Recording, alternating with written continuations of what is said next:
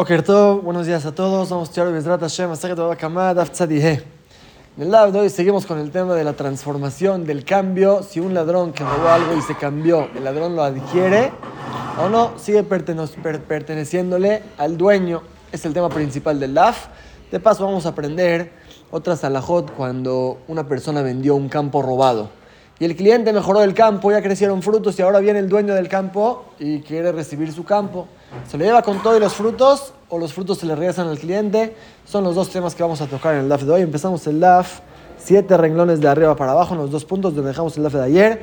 Gazal, Parame, Ubert, Vialdad, Julián. En la Mishnah ya vimos este caso cuando un ladrón robó una vaca, la vaca se embarazó en su casa, tuvo un becerrito y ahora debe de regresar la vaca. ¿Regresa también el becerro o no? La Mishnah dijo que no. El cambio de la vaca, eso que se transformó, el becerro era, un, era una vaca sin bebé, tuvo bebé, ahora es algo nuevo. Eso es del ladrón, no lo debe de regresar al que se lo robó. Así opina la Mishnah. La Gemara va a traer tres opiniones de los Tanaim, Rabbi Meir, Rabbi Uday y Rabbi Shimon. Vamos a explicar uno por uno. Ellos discuten sobre esta alajá, cuándo lo regresa y cuándo no. Vamos a ver, dice la Gemara, Tamo Rabbanan, Jajamim. Agozel, Rachel, Uxaza. Uno que robó una oveja y la trasquiló. O para Vialda robó una vaca y tuvo su bebé. Meshalem, Otavet, Gizotavet, Vladoteat, Rabimir. Según Rabimir, la primera opinión, paga todo. Paga la vaca, paga la lana, paga el becerro. El ladrón no gana nada. Debe de regresar todo lo que tuvo en su casa al que se lo robó. Primera opinión. Rabiuda, Rabiuda dice no.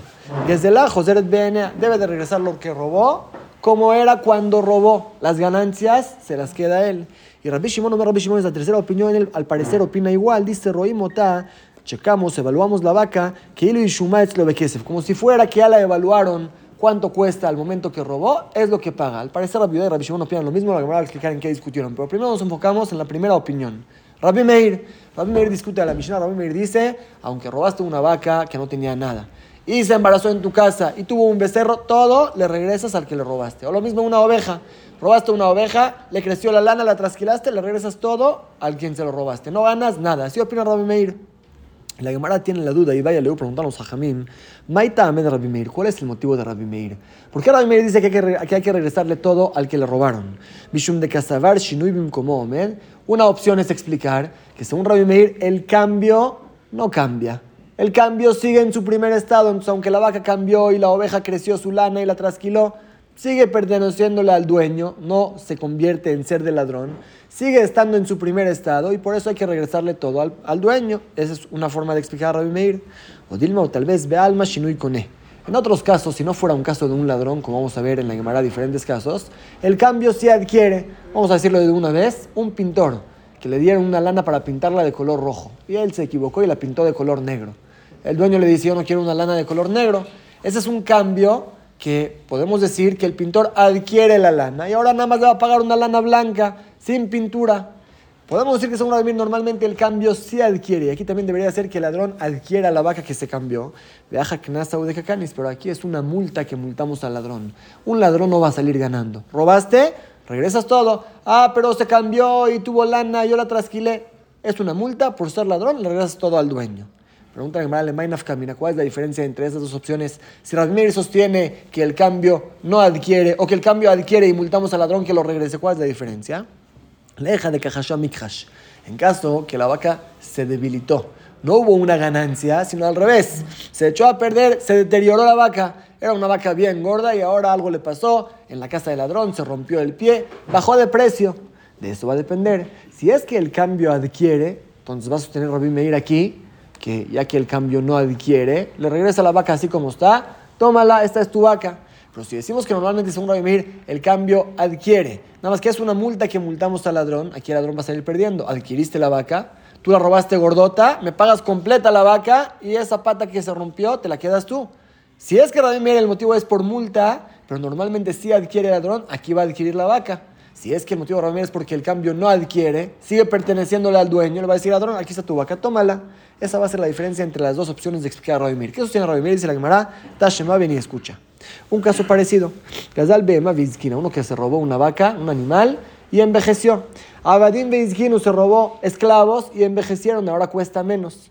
Meshalem Kishatak Zela, según Jajamim, paga como el momento que robó no debe de pagar, no puede regresar la vaca así viejita o el esclavo ya anciano, debe de pagar con el momento que robó. Se entiende que según Jajamim, eso que se cambió, la vaca envejeció, provoca que el ladrón la adquiera y debe de pagar con el momento que robó.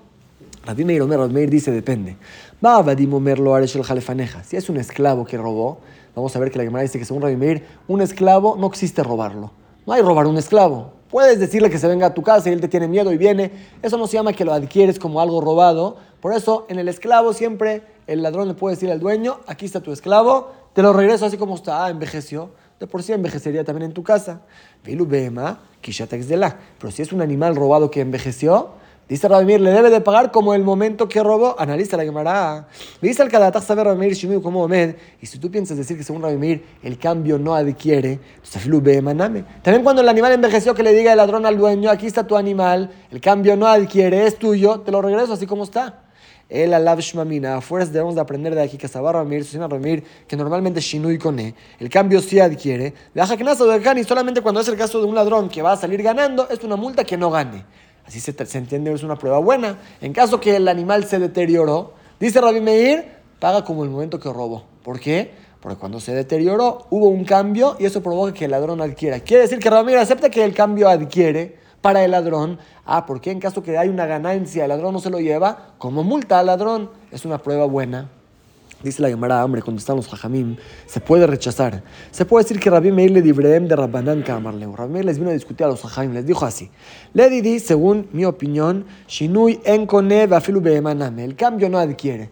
Aún que robaste y se cambió lo que robaste en tu casa, sigue perteneciéndole al dueño y siempre, tanto en un animal, tanto en un esclavo, le puedes regresar lo mismo y decirle, esto es tuyo, se deterioró, ni modo, te lo regreso. Así opino yo, dice Rabbi Meir.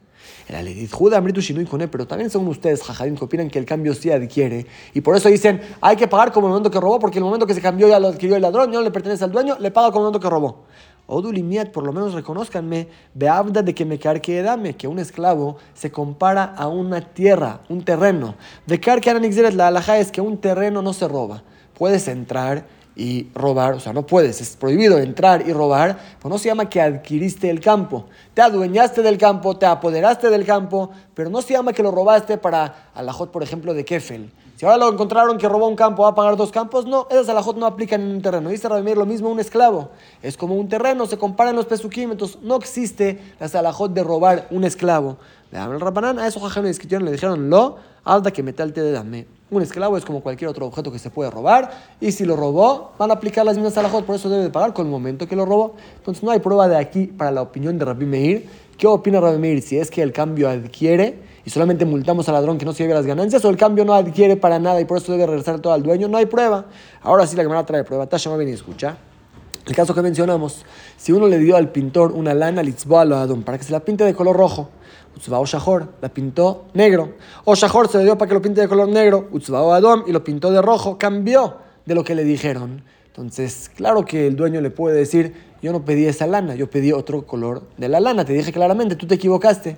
Pero ¿qué le debe de pagar? Rabbi Meir Omer Rabbi dice, no tenlo metzamro, le paga solamente el costo de la lana blanca. ¿Cuánto cuesta una lana antes de pintar? 100 pesos es lo que le paga y él se queda con la lana pintada que ahora cuesta más.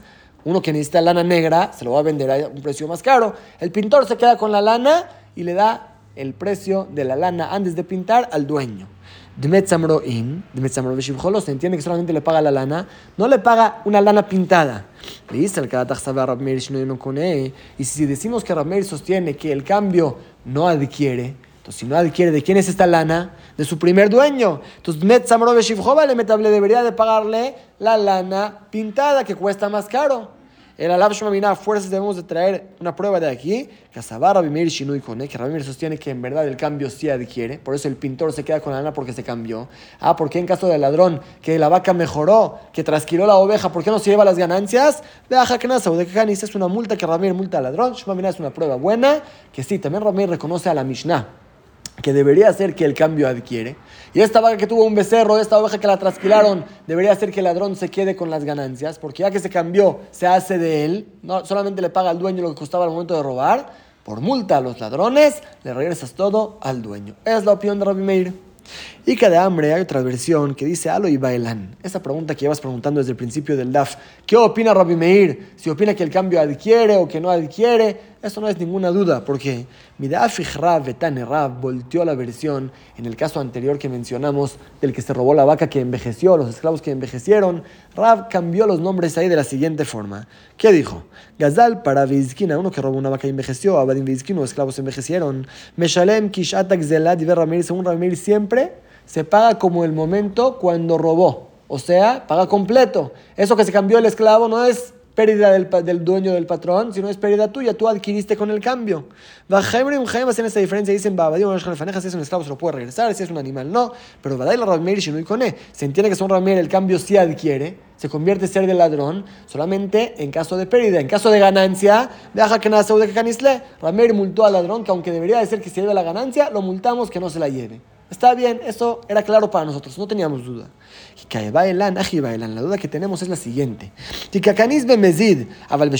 Todo lo que Rabbi Meir multó es a un ladrón que robó a propósito, sabe que está mal y robó. Ahí lo multamos, las ganancias no te las llevas, aunque deberías llevártelas porque el cambio adquiere, sería tuyo, no te llevas las ganancias. Pero si fue sin querer, como vamos a ver un caso en la Gemara, si fue sin querer, ahí Rabbi Meir no multa. O Dilma o tal vez Rabbi Meir multa siempre. Aunque fue sin querer, no es tuyo, las ganancias se las lleva el dueño. ¿Qué opina Rabbi Meir? Tashema, vamos a traer una prueba. Ven y escucha de una verdad que habla sobre uno que viene a cobrar de un terreno su deuda. normalmente, si es una deuda escrita en un documento, hay testigos firmados ahí abajo, entonces toda la ciudad se entera que fulano le debe a Vengano. Entonces, si el cliente viene a comprarla a este fulano, al deudor, debe de tomar en cuenta que puede llegar un día que el acreedor te quite el campo. El campo está hipotecado a la deuda. En un caso normal, que hay una deuda con un documento firmado, toda la gente se entera, si en verdad ahora este deudor no pagó su deuda, llega el acreedor con el cliente, le quita el campo y el cliente regresa con el, con el que le vendió el campo, en caso que se lo vendió con garantía, y recibe su dinero de nuevo. Pero hay casos que no se cobra de un campo vendido, solamente de terrenos libres. Dice la braita, Hamisha Goviminam Jorarim. Hay cinco que se cobran solamente de campos libres, no de campos ya vendidos. Velo en cuáles son perot, frutas, de Shevach perot, y la ganancia de las frutas, la Gemara ahora va a explicar qué significa. De Amkabel hablas un uno que se casa por segunda vez y su esposa ya viene con hijo del primer matrimonio y el esposo le dice, yo recibo sobre mí alimentar, mantener a tus hijos, eso es como una deuda, pero no hay un documento firmado. Entonces, si el cliente compró el campo de este esposo y ahora viene el hijo o la hija para cobrarse su mantenimiento de este campo, le puede decir el cliente, yo nunca sabía que que el que me vendió el campo tuvo esa obligación de mantenerte, no había ningún documento firmado, no se cobra de un campo vendido, solamente de campos libres. De Get o un documento sin garantía, aunque había una deuda, pero no estaban hipotecados los campos para esa deuda, no se va a cobrar la deuda. Uktubati Shashem o una mujer que viene a cobrar su ketubá, pero otra vez en esa ketubá tampoco aparece que los campos del esposo están hipotecados a la ketubá. Entonces también cuando viene a cobrarse solamente de campos libres, no de campos vendidos. Son cinco casos que trae la Mishnah. La Gemara pregunta según quién va esta Mishnah. Mancha de Amar ¿Quién es la, la opinión que dice que un documento que no aparece ahí la responsabilidad, la garantía, no es una equivocación del escribano. Podríamos decir, así hay una opinión, que aún un documento que aparece sin garantía es una equivocación. ¿Quién va a comprar un terreno, una casa sin garantía? Claro que todos los que compran dicen, en caso que se encuentre que está robado el campo, me regresas mi dinero. Aunque no aparece en el documento la garantía, es como que estuviera escrito, es una equivocación del escribano. Así hay quien opina. Rabbi Meir discute, dice no. Si el documento aparece garantía, te puedes comprar, cobrar de campos hipotecados. Si no, no. Entonces, esta Mishnah va como Rabbi Meir, que un, documento sin garantía no se puede cobrar de campos ya vendidos, solamente de campos libres. De Katane, Perot y Perot. Y claramente dice cuál es uno de los casos que no se cobra de campos hipotecados: frutas y la ganancia de las frutas. ¿Qué significa este caso? Que bueno, el caso es, Shegazal Sadem Javero. Reuben robó un campo de su compañero Shimon. Un Haral Ajer y Reuben el ladrón vendió el campo a un cliente, a un tercero. De Ishbija, el cliente no sabía que está robado el campo. Trabajó el campo, lo mejoró, ya crecieron frutas. Ahora llega el Shimon que se lo robaron, le quita el campo completo con todas las frutas al cliente.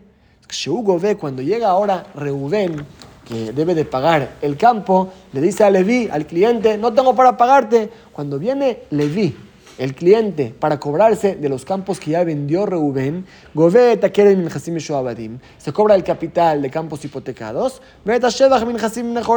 y la ganancia, las frutas, lo que mejoró el campo, esto se lo cobra de campos libres. Quiere decir, paramos aquí un tantito, lo que dice la verdad, que se cobra de campos libres las ganancias, es este, es este caso, un cliente que compró un caso robado, le quitaron el campo con todo lo que mejoró ya el campo, ahí regresa con el ladrón, con el vendedor, y se cobra todo, se cobra el capital y las ganancias que perdió. ¿De dónde se lo cobra? A eso dice la Mishnah.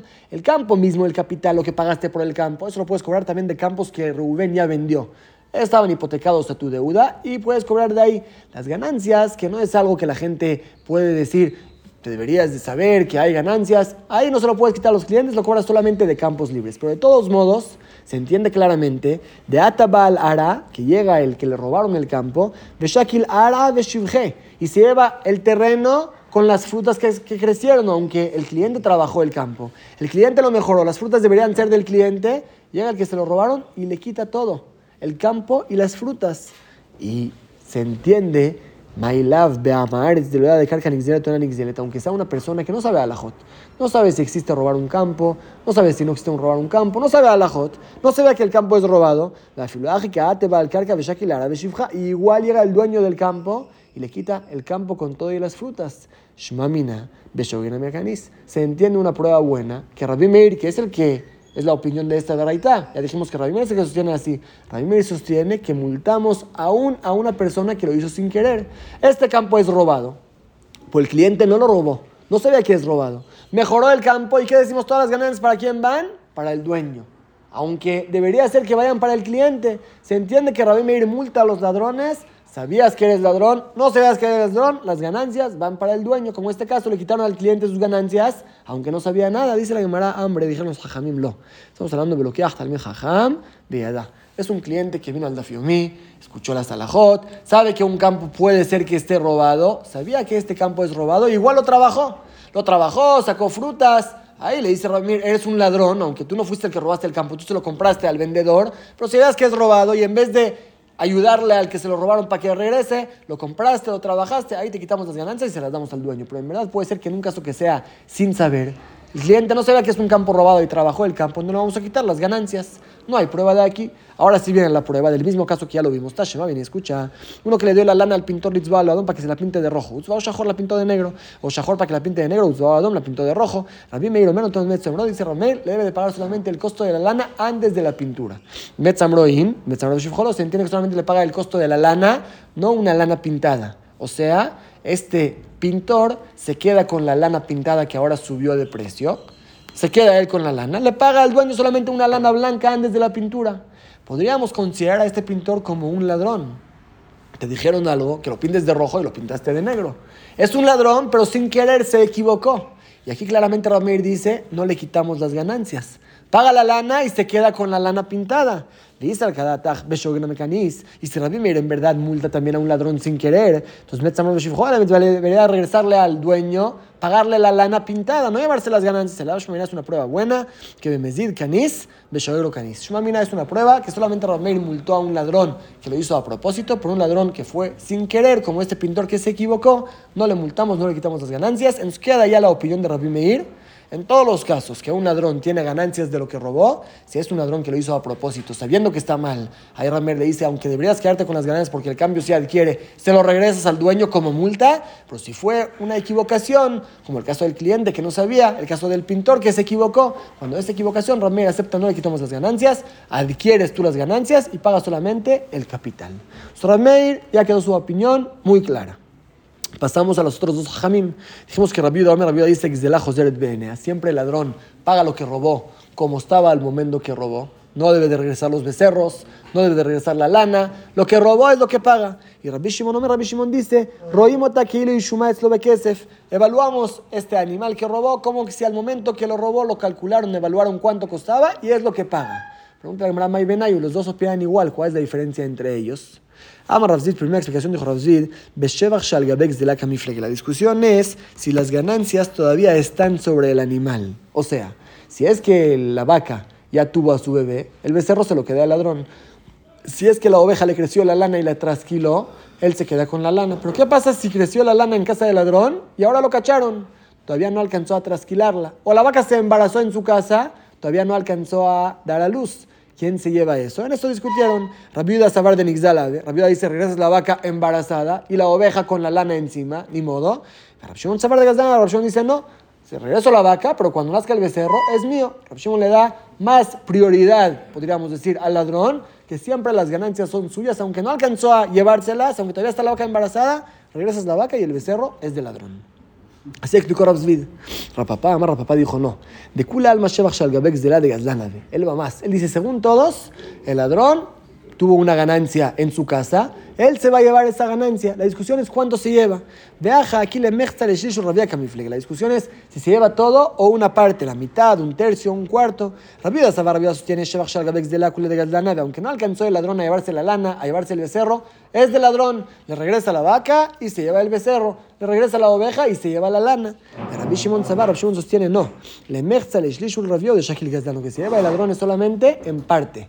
Y como Rashi explica, según lo que se acostumbra en ese lugar. En ese lugar se acostumbra a darle a un pastor la vaca y te llevas una parte en el becerro. Tú te ocupas de la oveja y te llevas una parte en la lana, lo que se acostumbra en ese lugar, la mitad, una tercera parte, un cuarto parte, es lo que se lleva el ladrón. Según todo se lleva, la duda es cuándo. Así dice Rapapá. La primera pregunta de una Mishnah. Dijimos en nuestra Mishnah, Gazal para Benit Abra Se robó una vaca, se embarazó en su casa y tuvo un becerro. O Rachel Benitana se robó una oveja, tuvo la lana, creció la lana en su casa y la trasquiló. Como dijimos en la Mishnah, paga solamente lo que robó. La lana, el becerro, se lo queda a él. lo Se entiende que solamente cuando la vaca ya tuvo al becerro, ahí es cuando se lo queda el ladrón. Pero si sigue embarazada, la regresa embarazada. Según la primera explicación de Ravzvid, que Rabiuda sostiene que en caso que el ladrón no alcanzó a llevarse las ganancias, las regresa al que se las robó. Samani Rabiuda y esta Mishnah es la opinión de Rabiuda. Podemos explicar la Mishnah. La de Rapapá de Amar de Gazlanabe, pero es un Rapapá que dice que siempre el ladrón se va a llevar parte en las ganancias, o todo o una parte, pero siempre se lleva. Hamani, ¿quién es esta Mishnah? Que se entiende que solamente cuando la vaca se alivió, ahí se lleva el ladrón el becerro, pero si no, si está embarazada todavía, se la regresa completa al que se lo robaron. No Rabiuda, pero Rabbi Shimon no queda ni con Rabiuda ni con Rabbi Shimon. Según todos, el ladrón tiene por lo menos una parte. Aquí se entiende que no tiene nada. Vamos a dejar a papá, te contesta a papá. Podemos decir que en verdad, aunque la vaca no dio a luz, no se alivió, el ladrón paga solamente lo que costaba al momento que robó. Da de Katane y Alda. Ah, ¿por qué la Mishnah dice que se alivió la vaca? Si aunque no se alivie, se lleva el ladrón el becerro. Ay, de Nasi y Alda. Así Sefan Alda, ya que al principio la Mishnah trajo un caso que la vaca dio a luz, también al final trajo un caso que la vaca dio a luz, pero en verdad no es para que me deduzcas que en caso que no, se lo lleva el que se lo robaron. Siempre se lo lleva el ladrón. Así dice Rapapá. Y tan que bater Rapapá, tenemos una braita que apoya la explicación de Rapapá. Rabbi Shimon, Rabbi Shimon dice, Roimota, calculamos, evaluamos esta vaca que se robó el ladrón, que ilu y Shuma etzlo bekesef le. Como que estaba evaluada desde un principio, ¿cuánto costaba? La mitad, una tercera parte, una cuarta parte que se lleva el pastor, en nuestro caso el ladrón, por ocuparse de la vaca, es lo que se lleva, el dueño se lleva lo demás. Entonces ya, tanto Rabbi tanto explicaban la diferencia entre Rabbi y Rabbi Shimon, quedaron en discusión si se lleva todo el ladrón o se lleva solamente una parte. Pero Amar Rabashi dijo Rabashi que habían de Rav cuando estudiábamos en la yeshiva de Rav Kahana, y vaya teníamos la siguiente pregunta. Le Rabbi Shimon de Amar le Mechza o Lishlishu Rabiao de Shakil Gazdan. Según Rabbi Shimon, que el ladrón se lleva solamente una parte, no se lleva todo el becerro, una parte, digamos la mitad.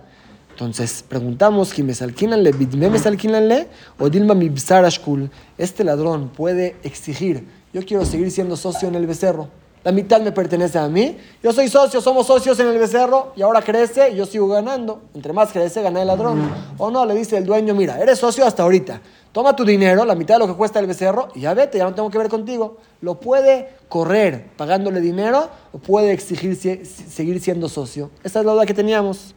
Upashat Namead Amar Shmuel. Trajimos una prueba de lo que dijo Rabban nombre de Shmuel.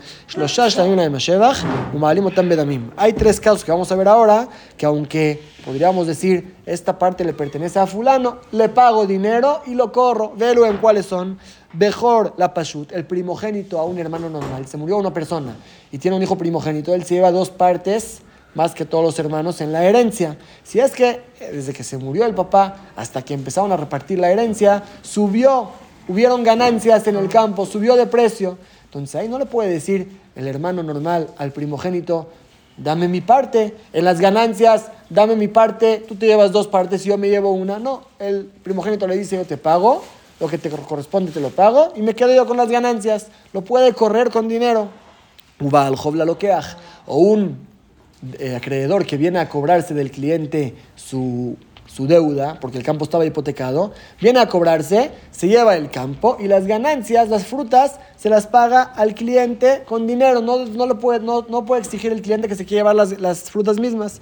Uva al joble y tomim, o un acreedor que viene a cobrarse de los huérfanos, el papá se quedó con una deuda, viene a cobrarse de los campos que dejó el papá. Y también, si hay ganancias que los niños trabajaron en el campo, se lo lleva el acreedor, pues no pueden decirle a los huérfanos, danos las frutas, él les da el dinero, el valor de las frutas, y ya se queda con todo el campo. Se entiende que existe correr al otro pagándole dinero. No debe ser, eh, yo tengo parte en esto, me quedo como socio. También aquí con más razón, en el caso del ladrón, le puede decir el dueño de la vaca, la vaca es mía, te voy a pagar lo que te corresponde aquí, la mitad que te debe de corresponder, pero todo lo demás me lo llevo yo, no te quedas como socio.